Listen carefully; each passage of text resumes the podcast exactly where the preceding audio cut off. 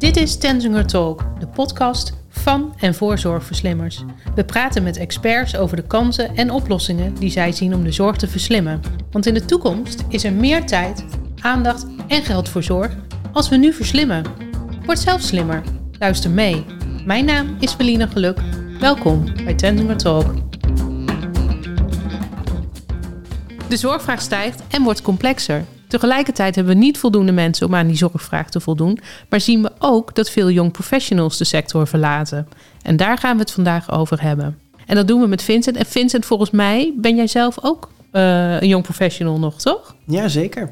Ja, ik, uh, ik val zelfs onder Gen Z, zoals dat uh, tegenwoordig heet. Oh, ja, generatie Z. De, geboren voor, ja. na, na, 1997. Ja, precies. ja. ja. Val je net niet meer onder, Eveline? Nee, net, net niet. Net niet. Uh, Vincent, even voor de luisteraar. Kun jij uh, vertellen wat jouw achtergrond is? Dat kan ik. Ik uh, ben Vincent Rechtop. Ik ben business consultant bij Tenzinger. Dat doe ik nu ruim anderhalf jaar. en ik heb een achtergrond in gezondheidswetenschappen en in strategisch HRM. En ik heb me eigenlijk altijd al gefascineerd van als we de zorg in beweging willen krijgen, dan is het ook cruciaal om mensen in beweging te krijgen. En dat inspireerde mij enorm om uh, nou ja, de HR-kant in te gaan en meer te leren over wat mensen drijft, uh, waardoor mensen gelukkig zijn op hun werk. Uh, ja, en als business consultant mag ik dat, mag ik beide expertises in de zorg combineren. Ja, dat klinkt super uh, interessant. Voordat we zo de inhoud ingaan, ben ik benieuwd of jij afgelopen week nog iets slims hebt gezien. Jazeker, dan, dan moeten we het hebben over het Zorgverslimmersfestival dat gisteren heeft plaatsgevonden. Helaas kon ik daar niet bij zijn. Dus ik, ja. ja, ik was er wel bij en het was echt superleuk. Je had er moeten zijn, hoor ik al. Ja. Um, nou, dat was ik dus niet. Maar ik heb wel meegekregen dat uh, Jeroen Slootmans de winnaar was van het festival. Dat heeft die, uh, de award Van de award, precies. Ja, klopt. Um, met zijn kansband. Een soort bandje heb ik begrepen waarmee jongeren die in een gesloten inrichting zitten... Uh, of daartoe, daarin dreigen te belanden... Um, waarmee kan worden gecontroleerd of zij op de bestemming zijn, bijvoorbeeld school of de sportclub, uh, waarvan ze hebben afgesproken dat ze daar op dat moment zouden moeten zijn. Nou ja, en als dat een middel is om uh, in zo'n situatie aan een, een, goede vertrouwensband te kunnen werken met je begeleiders, met je ouders, uh, met docenten, dan is dat een heel mooi middel om daar aan te werken. Ja, dat denk ik ook. Is uh, ook een heel mooie en uh, terechte winnaar, uh, denk ik. Um, ja. Hij gaf in zijn overwinningsspeech ook aan van veel problemen die spelen in de jeugdzorg. zijn eigenlijk ook hetzelfde type problemen als in de ouderenzorg. Um, dus ik vond het heel mooi dat hij die link ook legde. En de, daar zijn niet dezelfde oplossingen voor altijd, maar meer samenwerking over sectoren heen. Um, zo klonk in zijn verhaal, daar zou hij ook voorstander van zijn. Goed, dan uh, starten we nu echt, Vincent. Nou, het probleem is uh, bekend bij, uh, nou, bij iedereen inmiddels, denk ik wel. Dat hebben we ook in de coronacrisis gezien, hoe groot het personeelstekort in de zorg is. Maar hoe groot is het probleem nou onder die young professionals? En wat gaan we eraan doen om ze wel te behouden voor de sector? Wat we zien is dat de sector het moeilijk vindt om mensen jonger dan 35 te behouden. Eigenlijk moeilijker dan ze het vinden om mensen die bijvoorbeeld 55 jaar en ouder zijn te behouden. En wat we zien in de zorg in het algemeen is dat van de mensen die hun baan opzegt, een kwart ook daadwerkelijk de sector verlaat. Nou, het is natuurlijk vervelend genoeg voor een organisatie dat uh, medewerkers vertrekken, maar het wordt pas echt een probleem voor de sector op het moment dat die mensen ook de sector verlaten. Dan is het soms dweilen met de kraan open als je nieuwe medewerkers wilt werven, maar ondertussen je achterdeur heel erg ver open staat elke medewerker en vooral ook young professionals de nieuwe aanwas die we krijgen in de zorg, als we die kunnen behouden voor de sector, dus die achterdeur langzaamaan sluiten, dan komen we aan duurzame oplossingen voor het personeelstekort eh, in de zorg toe. Ja. Ja, ik las laatst eh, in de krant dat wel steeds meer mensen zich inschrijven voor een MBO-opleiding in nou ja, zowel techniek als zorg. Uh, dat was in 2022 8% meer dan het jaar daarvoor. Mm -hmm. Dus dat is ook wel weer een lichtpuntje, zou ik denken. Ja, dat is inderdaad heel mooi. En het, het, volgens mij gaat het dan ook om uh, BBL-opleidingen, of niet? Dus dat, ja, klopt. Ja. Dat, nou, en even voor de luisteraars, dat zijn opleidingen uh, waarbij uh, mensen, zeg maar, van de vijf dagen in de week, van de vijf werkdagen die er zijn, werken ze vier op locatie bij een zorgorganisatie en eentje zitten, zitten ze in de schoolbanken. Nou, dat is ongeveer de verhouding. En die medewerkers in opleiding, die krijgen ook gewoon betaald. dus voor hen is dit een heel, nou ja, aantrekkelijke manier om bijvoorbeeld van baan te switchen. Dus met behoud of enigszins behoud van inkomen. ja, maar is het voor hen dan toch mogelijk om een switch te maken vanuit hun huidige baan naar de zorg? En dat is een hartstikke mooie oplossing, of deel van de oplossing. Ja, mijn kapper gaat er toevallig nu ook uh, net mee starten. Oh, dus jij moet op zoek naar een nieuwe? Ja, ook heel vervelend. Echt vervelend. ik ben altijd erg gehecht aan uh, mijn kapper. Um, maar goed, dan uh, het lichtpuntje is dat de instroom op die mbo-opleidingen toeneemt met 8%. Maar dan de uitdaging om die mensen ook weer te behouden wordt dan des te groter weer. Mm -hmm. Ja, Vincent, we kunnen heel veel redenen bedenken waarom jongeren de sector verlaten. Maar weet je wat de meest genoemde redenen zijn? Jazeker. Onder andere hoge werkdruk is een heel belangrijke reden voor mensen om de sector te verlaten. En daar zien we eigenlijk ook een beetje een visieuze cirkel. Want op het moment dat mensen de sector verlaten, wordt de werkdruk hoger voor de mensen die in de sector blijven. Nou, als de werkdruk verhoogt, zijn er misschien nog meer mensen die de sector weer verlaten. En ontstaat er weer meer werkdruk. Verlaten mensen de sector sneller, ontstaat er nog meer werkdruk. En dat is nou ja, een cirkel die we moeten doorbreken. Maar los van werkdruk zien we ook het aantal administratieve taken enorm groeien. En zeggen zorgprofessionals dat ze soms wel tot 40% van hun tijd bezig zijn met het invullen van rapporten, met het doen van administratie en het continu verantwoorden van hun uren. Um, maar ook, nou ja, je zult het misschien zelf ook wel kennen, een slechte leidinggevende kan echt van enorme invloed zijn op je werkplezier. En dat is in de zorg ook niet anders. Nee. En ik kan me ook voorstellen dat die factoren die je nu noemt, dat die ook bijdragen aan uh, een ziekteverzuim. Bijvoorbeeld die hoge werkdruk. Ja, precies. Nou, en op het moment dat er ziekteverzuim ontstaat, is dat eigenlijk hetzelfde visieuze cirkeltje wat je ziet bij verloop. Uh, dus op het moment dat er meer ziekteverzuim is, wordt de druk op andere collega's die daar nog werken wordt groter. Misschien zitten daar ook al wel mensen tussen die zich ook al helemaal niet zo heel erg lekker voelen, en dan toch voor hun collega's gaan invallen. Die doen dat vaker en op een gegeven moment nou ja, plegen ze eigenlijk roofbouw op hun eigen energie en eigen welbevinden, waardoor zij zich weer ziek gaan melden. Ja, zo zit je dus uh, ja, echt in een visieuze cirkel eigenlijk. Precies. Zijn er nog meer redenen behalve deze drie die je net noemde? Um, maar ook gebrek aan autonomie. Dus het zelf kunnen beslissen, het zelf kunnen bepalen wat je in je werk doet. Um, in Nederland hebben we een zorgstelsel waarin steeds meer in regeltjes en protocollen wordt vastgelegd. En daar is ook een heleboel voor te zeggen. Bijvoorbeeld voor de bewaking van kwaliteit, voor um, consistentheid in je dienstverlening. Dus dat, dat zorgorganisaties niet bij de ene cliënt een heel ander type, uh, een heel andere kwaliteit van zorg leveren dan bij de ander. Dus daar is een heleboel voor te zeggen. Maar daarin zie je wel een spanningsveld waar mensen ook last van kunnen hebben. Mensen die vinden van ja, ik ben opgeleid als uh, verpleegkundige of als verzorgende, maar ik mag eigenlijk heel weinig zelf bepalen. Bijvoorbeeld, uh, ik heb wel eens een voorbeeld gehoord van beleid waarbij in een oudere zorginstelling uh, geen zacht gekookte eitjes mochten worden geserveerd. Nou, daar kun je wat voor zeggen vanuit een voedselveiligheidsperspectief. Maar er zijn ook mensen die zeggen, ja, maar deze cliënt heeft al weet ik veel, sinds jaar en dag op elke zondagochtend een zacht gekookt eitje. Waarom zou ik die dat nu niet mogen geven? Dat van het zacht gekookte ei, dat begrijp ik wel. En je wil natuurlijk ook uh, persoonsgerichte zorg leveren. Maar in sommige situaties is het toch ook wel heel fijn dat er wel protocollen zijn. En dat iedereen het werk op dezelfde manier doet. En niet uh, bij een operatie naar eigen inzicht denkt, uh, ja, wat zal ik doen? De linker of rechterteen? Nee, precies. Dat, dat lijkt me een heel ongewenste situatie. Dat, dat uh, de linker of rechtertenen uh, wordt nee. behandeld of uh, wordt geamputeerd. Um, ja, het is een beetje een flauw voorbeeld natuurlijk. Maar ik wil maar zeggen, die protocollen zijn er ook niet voor niets natuurlijk. Nee, precies. En dat, dat wil ik ook helemaal niet betwisten. Maar je ziet daar wel een spanningsveld van mensen die de zorg ingaan... omdat ze een, een hart voor de zorg hebben. Graag voor mensen bijvoorbeeld een heel fijne oude dag willen bezorgen... en worden geconfronteerd met regels hoe legitiem de reden daarvan ook is dat ze er zijn, dat die mensen toch ervaren dat die regel hun werk belemmert.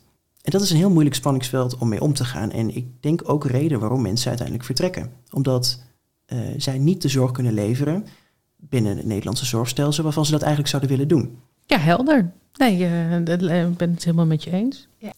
Natuurlijk, protocollen die zijn gewoon nodig. Um, en we kunnen heel interessante discussies voeren over de zin en onzin daarvan. Maar daar gaan we met z'n tweeën vandaag denk ik niet uitkomen. Um, wat wel belangrijk is, is zeg maar, samen met die protocollen en het continu moeten verantwoorden van de zorg die je levert, dat dat gewoon een heleboel druk oplevert voor mensen die in de zorg werken. En um, nou ja, ik denk dat dat ook met name voor mensen van mijn leeftijd, die voor onze generatie is het ook heel belangrijk nu om zich in te zetten voor een organisatie die echt de wereld wil verbeteren. We zien een heleboel problemen uh, die oplossingen nodig hebben. En als je dan in een organisatie terechtkomt waar je een heleboel van je kostbare tijd kwijt bent aan het doen van registratie, waarvan je misschien niet helemaal snapt waarom je het moet doen. Dan gebeurt het ook nog eens soms op een onhandige manier. Um, ja, dat kan heel demotiverend werken. Ja, en misschien zie je dat als jong professional ook wel eerder. Hè? Als je als 24-jarige helemaal fris een zorginstelling binnenkomt, dan denk je misschien bij een aantal processen of formulieren of dingen die je moet invullen. Van, goh, uh, hallo, kan dit nou niet slimmer?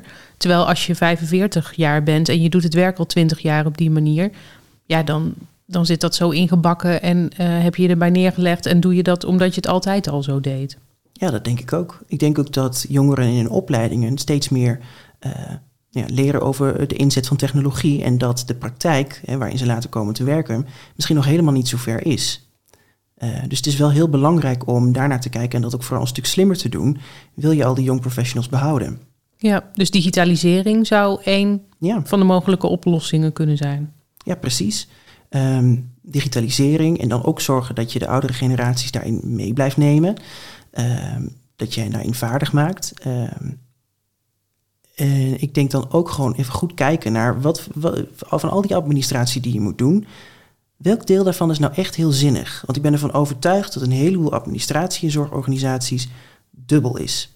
Um, soms zie je dat je, met, uh, dat je eigenlijk bijvoorbeeld vier verschillende documenten hebt die je periodiek moet ondertekenen samen met een cliënt. Uh, of alleen of wat dan ook. Maar er zijn vier documenten die, waarvan wel eens blijkt van goh, als je nou in document 1 uh, eh, twee artikeltjes toevoegt en daar een handtekening onder zet en dat één keer per jaar doet, dan blijkt dat de andere documenten gewoon geschrapt kunnen worden, helemaal niet meer terug hoeven komen.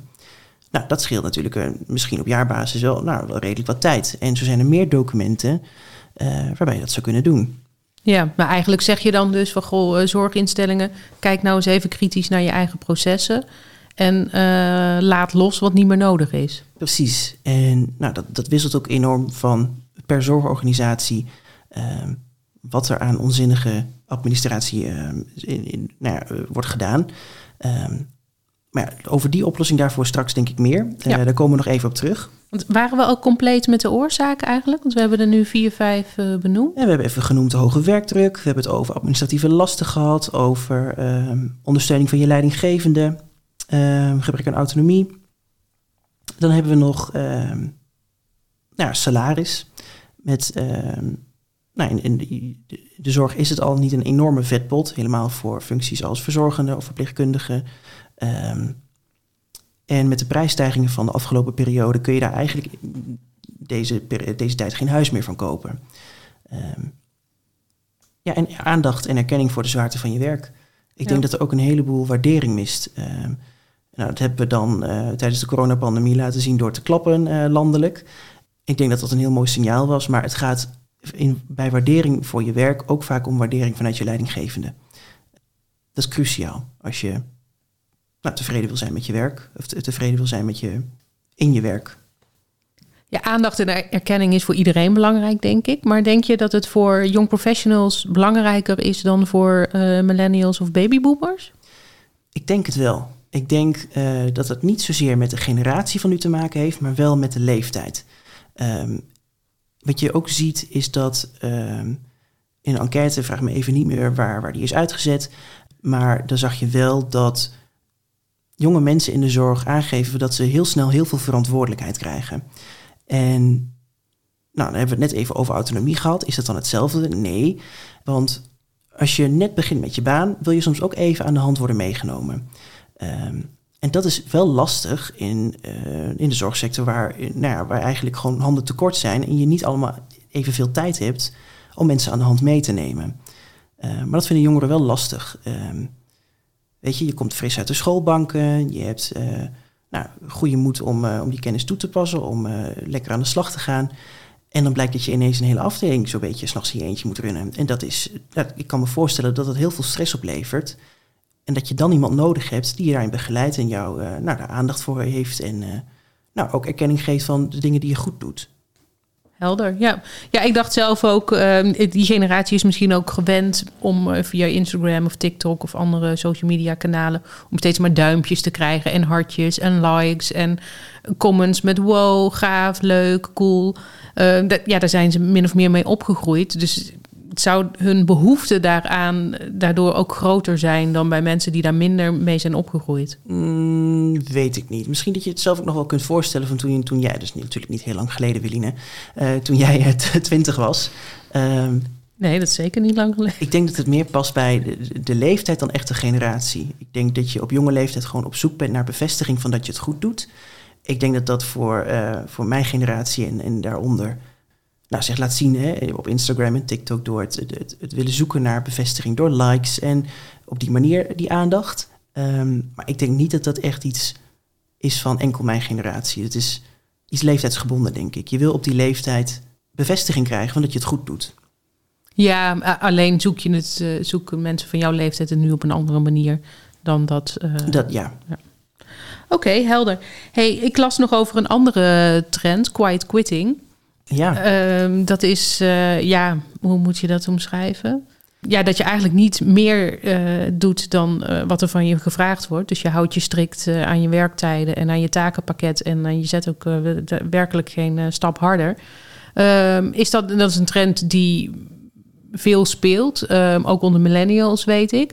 Maar is dat nou ook iets wat veel onder die young professionals in de zorg speelt, denk je? Mm, ik denk dat dat wel meer gaat gebeuren. Uh, quiet quitting is eigenlijk precies wat je zegt. Um, de afspraken die je hebt gemaakt bij, dus bij uh, je in diensttreding, bijvoorbeeld je werkt 40 uur per week, van uh, weet ik veel, 8 uur tot, tot 5 uur, dat je dan ook niet bijvoorbeeld eerder gaat beginnen en nog niet langer doorgaat, maar gewoon puur volgens afspraak werkt. En die trend is eigenlijk ontstaan um, doordat een heleboel mensen zagen van, goh, ik kan wel harder werken, maar ik krijg er eigenlijk helemaal niet zo heel veel voor terug. dus ik doe het niet meer. En ik denk dat in de zorg uh, dat lastiger is. Uh, op, bij een kantoorbaan kun je prima zeggen, nou weet je wat, die Excel-sheet, die kan ook prima tot maandag wachten. Maar iemand die zorg nodig heeft en uh, nou als jij vrijdagmiddag vijf uur de deur uitgaat en je komt maandag, maandag om acht uur weer terug en er is in tussentijd niemand die die cliënt kan verzorgen, ja, dat, die heeft dat gewoon nodig. Dus dat is wel een, ik denk een ander type van quiet quitting. Maar ik denk dat we dat op een andere manier terugzien. En ik denk juist in het, het toenemen van het aantal ZZP'ers in de zorg. Oh, interessant. Ik denk namelijk dat um, daar een behoefte achter zit. Mensen die um, nou, als ZZP'er in de zorg gaan starten, die geven aan vaak uh, meer autonomie over hun, in hun eigen werk te willen, uh, flexibeler te kunnen zijn, uh, werk-privébalans te kunnen bewaken. en dat vinden zij lastig in dienstverband, dus kiezen zij ervoor om um, nou, in ZZP-schap hun werk te doen. Ja, zij doen eigenlijk aan een soort cherrypicking. Zij willen alleen de, de makkelijke diensten op tijdstippen die hun goed uitkomen. En niet tussen kerst en oud en nieuw. Ja, bijvoorbeeld. Uh, vier weken vrij in de zomervakantie. Ja, ja dat is ook een vorm van uh, quiet quitting, zeg je. Misschien wel. En ik denk, hè, zo kun je het zien als cherrypicking. En uh, geen dienst draaien tussen kerst en oud en nieuw. Of misschien geen nachtdiensten bijvoorbeeld. Hè? Ja. En dat is, eh, dat is vreselijk voor de, uh, voor de mensen die in dienstverband werken en dan wel uh, verplicht zijn om die uh, nachtdiensten te draaien en wel te werken tussen kerst en oud en nieuw. Ja, precies, um, want die moeten dan ook juist vaker die juist. meer vervelendere diensten draaien. Precies. Um, voor mensen die um, zoiets hebben van, nou ja, weet je, in dienstverband werken in de zorg, dat past gewoon helemaal niet meer in mijn leven. Ik leef niet om te werken, ik werk om te leven en gaan op die manier zoeken naar een manier van werken die wel in hun leven past ja, dan kan ik me voorstellen dat als je jonge kinderen hebt, uh, je, bent, je hebt behoefte aan structuur, je wilt niet wisselen in diensten, je wilt een aantal vaste diensten, je wilt niet werken tussen oud en nieuw, ja, dat je dan als ZZP'er aan de slag gaat, want vraag is er genoeg. En als je bij de ene werkgever niet aan de slag kan, dan is er wel een andere die je nodig heeft. Ja, en wellicht is er ook nog wel een financieel component bij die ZZP'ers, hè? want ze verdienen wellicht uh, meer dan in dienstverband. Ja, een, een uurtarief is uh, ja, ze ontvangen eigenlijk meer, meer dan uh, iemand die in loondienst werkt. Dus ja, daar hebben ze ook meer, meer vrijheid in om hun eigen tarief te bepalen. Ja. ja, de vraag is ook hoe bewust ze zich ervan zijn uh, dat ze ook pensioenen zo uh, moeten opbouwen. Dat we niet over 30 jaar met een enorme golf mensen zitten zonder pensioen. Want dan heb je weer een heel ander maatschappelijk probleem. Ja, precies. Maar inderdaad. um, maar ze hebben inderdaad wel meer vrijheid om hun eigen tarief te bepalen. En dat kan soms voor jaloerse blikken zorgen. Ja, ja, dat is niet leuk voor de mensen die in loondiensten werken. Nee. Goh, nou, we hebben het nu over heel veel oorzaken gehad. Ik zou eigenlijk nu ook even willen kijken van, uh, ja, wat zijn nou mogelijke oplossingen? En uh, jij gaf net al een beetje een teaser over het uh, verlichten van de administratieve lasten. Dus daar ben ik wel heel benieuwd naar. Kun je dat nog eens wat verder toelichten? Nou, dat, dat is eigenlijk geen hogere wiskunde. Ehm, mensen moeten met elkaar aan de slag in een organisatie om te kijken wat nou eigenlijk overbodige administratie is en wat niet. En een heleboel organisaties zijn er al mee bezig in de vorm van schrapsessies. Um, maar ik was laatst ook bij een klant en daar, daar gebeurde dat gewoon niet. Ja, de schrapsessies, uh, dat klinkt uh, leuk, maar kan je even toelichten wat dat precies is? Wat houdt het in? Dat zijn uh, sessies waarbij mensen vanuit alle disciplines in de organisatie bij elkaar komen. Uh, om te kijken welke administratie nou eigenlijk gewoon geschrapt kan worden. Uh, of er documenten samengevoegd kunnen worden. Uh, dat er in plaats van onder drie documenten waar uh, om de periode een handtekening moet komen te staan, dat het maar voor eentje is. Dat het bijvoorbeeld mogelijk wordt om digitaal handtekeningen te zetten in plaats van dingen printen. daar een handtekening onder. Dan moeten we weer naar de volgende. Die moet er ook een handtekening onder zetten. Het gaat eigenlijk om het schrappen van overbodige stappen in je administratieve proces. Ja, en daarmee wil je dus die 40 procent uh, van je tijd die wordt besteed aan administratieve lasten verlagen. Ja, precies. Ja. En dat is extra belangrijk in, om te doen in een organisatie waarin uh, je medewerkers zeggen dat het gewoon hartstikke druk is. Op het moment dat je het druk hebt, is elke seconde die je aan administratie moet besteden, uh, die voelt extra zinloos. Ja. Dus organisaties waar, waarvan hun medewerkers zeggen, ja, wij krijgen het gewoon de roosters niet rond, het is hartstikke druk, die doen er juist goed aan om toch tijd te investeren in die schrapsessies. Ja. ja, minder administratieve last is uiteindelijk meer tijd voor zorg. Precies. Ja. Zijn er nog andere suggesties die jij zou doen um, aan instellingen om um, uh, die young professional dus wel te behouden? Wat zijn, uh, ja, hoe kunnen ze die mensen meer of beter aan hun binden? Ik denk dat vooral in de beginperiode het heel belangrijk is dat ze niet het gevoel hebben dat ze gaan zwemmen in de organisatie dat ze begeleiding krijgen, iemand hebben bij wie ze eigenlijk voor elke dwarse terecht kunnen. En het niet het gevoel krijgen dat ze een enorme verantwoordelijkheid moeten dragen voor al hun cliënten. Ik denk dat dat een heel belangrijke is. En nou ja, weet je, als het gaat om het behoud van medewerkers, zijn er duizenden factoren uh, die mogelijk relevant kunnen zijn voor iemand om te blijven of te vertrekken. Maar dan kom ik toch terug op uh, iets wat voor iedereen belangrijk is, of je nou in de zorg werkt of op een kantoor. Het is belangrijk dat je een fijne relatie met je leidinggevende hebt, met je collega's. Dus daar zou ik in investeren. Ik zou kijken naar mogelijkheden om de autonomie uh, van medewerkers in hun werk te kunnen verhogen. Even een gek voorbeeld is bijvoorbeeld dat, dat, dat je een potje beschikbaar stelt voor je team. Op een afdeling somatiek bijvoorbeeld, uh, binnen een ouderenzorginstelling, waarbij dan nou, geld beschikbaar wordt gesteld om elke maand iets leuks voor de cliënten te kunnen doen. Dat medewerkers het zelf kunnen bepalen. Nou ja, en wat je net zegt, het slimmer werken. Dus echt minder administratieve lasten en kijken of dingen digitaal kunnen. Ja, het doen van schrapsessies. Ja, digitaliseren, uh, meer gebruik maken van de dingen die je al in je organisatie hebt. Hè, als het gaat om uh, informatie, data, hergebruik uh, daarvan. Dat lijken me mooie stappen. Ja. En misschien zijn er, dat bedacht ik me laatst, misschien zijn er ook wel mogelijkheden eh, voor medewerkers in de zorg ehm, nou, eh, soms is het groeiperspectief beperkt. Stel je bent verzorgende, dan kun je verpleegkundige worden. Maar wil je dan doorgroeien in een organisatie, dan is eigenlijk alleen nog maar vaak de weg naar bijvoorbeeld teamleider aanwezig. En misschien is het ook wel mogelijk om bijvoorbeeld, nou ja, vier dagen in de week als verzorgende te werken en dan een dagje mee te lopen met een afdeling zorgadministratie of een afdeling kwaliteit. Om daar een expertise in te zetten, zodat daar ook meer inhoudelijke doorgroeimogelijkheden zijn en wellicht ook wel um, nou, meer salarisgroei als daarvoor wordt gekozen. Ja, dat zijn uh, mooie voorstellen, Vincent. Um, voordat we afsluiten, zijn er misschien nog een aantal tips die jij uh, onze luisteraars mee zou willen geven? Ik denk dat het allerbelangrijkste wat een organisatie nu moet doen, is luisteren naar young professionals. Um, die zijn buitengewoon technisch vaardig, uh, komen soms met hele slimme ideeën om administratie te verminderen of om dat juist op een digitale manier te doen. Ja, dus echt luisteren naar wat zij, wat zij meebrengen. En voor hen is het ook ontzettend belangrijk om betrokken te worden bij het leveren van goede zorg. En uh, nou, waar ik het net al even over had, ervaren ze soms ook blokkades in die zorg door het doen van zoveel uh, administratie, door te maken te krijgen met protocollen die nou ja, soms nuttig zijn voor de een, soms iets minder nuttig voor de ander. Ze hebben het nodig om zich betrokken te voelen bij het verbeteren van de zorg en voor het bij het leveren van goede zorg voor cliënten. Maak daar gebruik van. Die inzet willen ze vast leveren. Dus je gaat met elkaar in gesprek. En ik denk ook dat het heel belangrijk is dat, uh, nou, dat HR-afdelingen hier de waarde van gaan zien. Uh, en dat HR-afdelingen in staat worden gesteld om op een strategische manier bij te dragen uh, nou aan het beleid van zorgorganisaties. Soms heb je ook nog afdelingen die vooral worden bestempeld als de nou, HR doet de administratie en die komt om de hoek kijken op het moment dat er iemand ziek is. Maar HR-afdelingen weten best wel vaak wat er speelt bij hun medewerkers. Um, dus betrek hen ook bij strategische besluitvorming van waar je naartoe wil gaan, hoe je beleid eruit komt te zien, hoe je young professionals betrekt bij, uh, nou ja, bij besluiten in je beleid. Dat weten ze al, ze moeten er ook de ruimte voor krijgen. Mooie afsluitende tip, uh, Vincent. Ik uh, wil jou heel erg bedanken voor jouw komst naar de studio. Dankjewel. Ik vond het heel leuk uh, om met je over dit thema te praten. En uh, wie weet uh, vraag ik je nog eens aan te schuiven bij uh, Talk. Dat lijkt me hartstikke leuk. Dankjewel, Wiline. Vond het leuk om hier te zijn.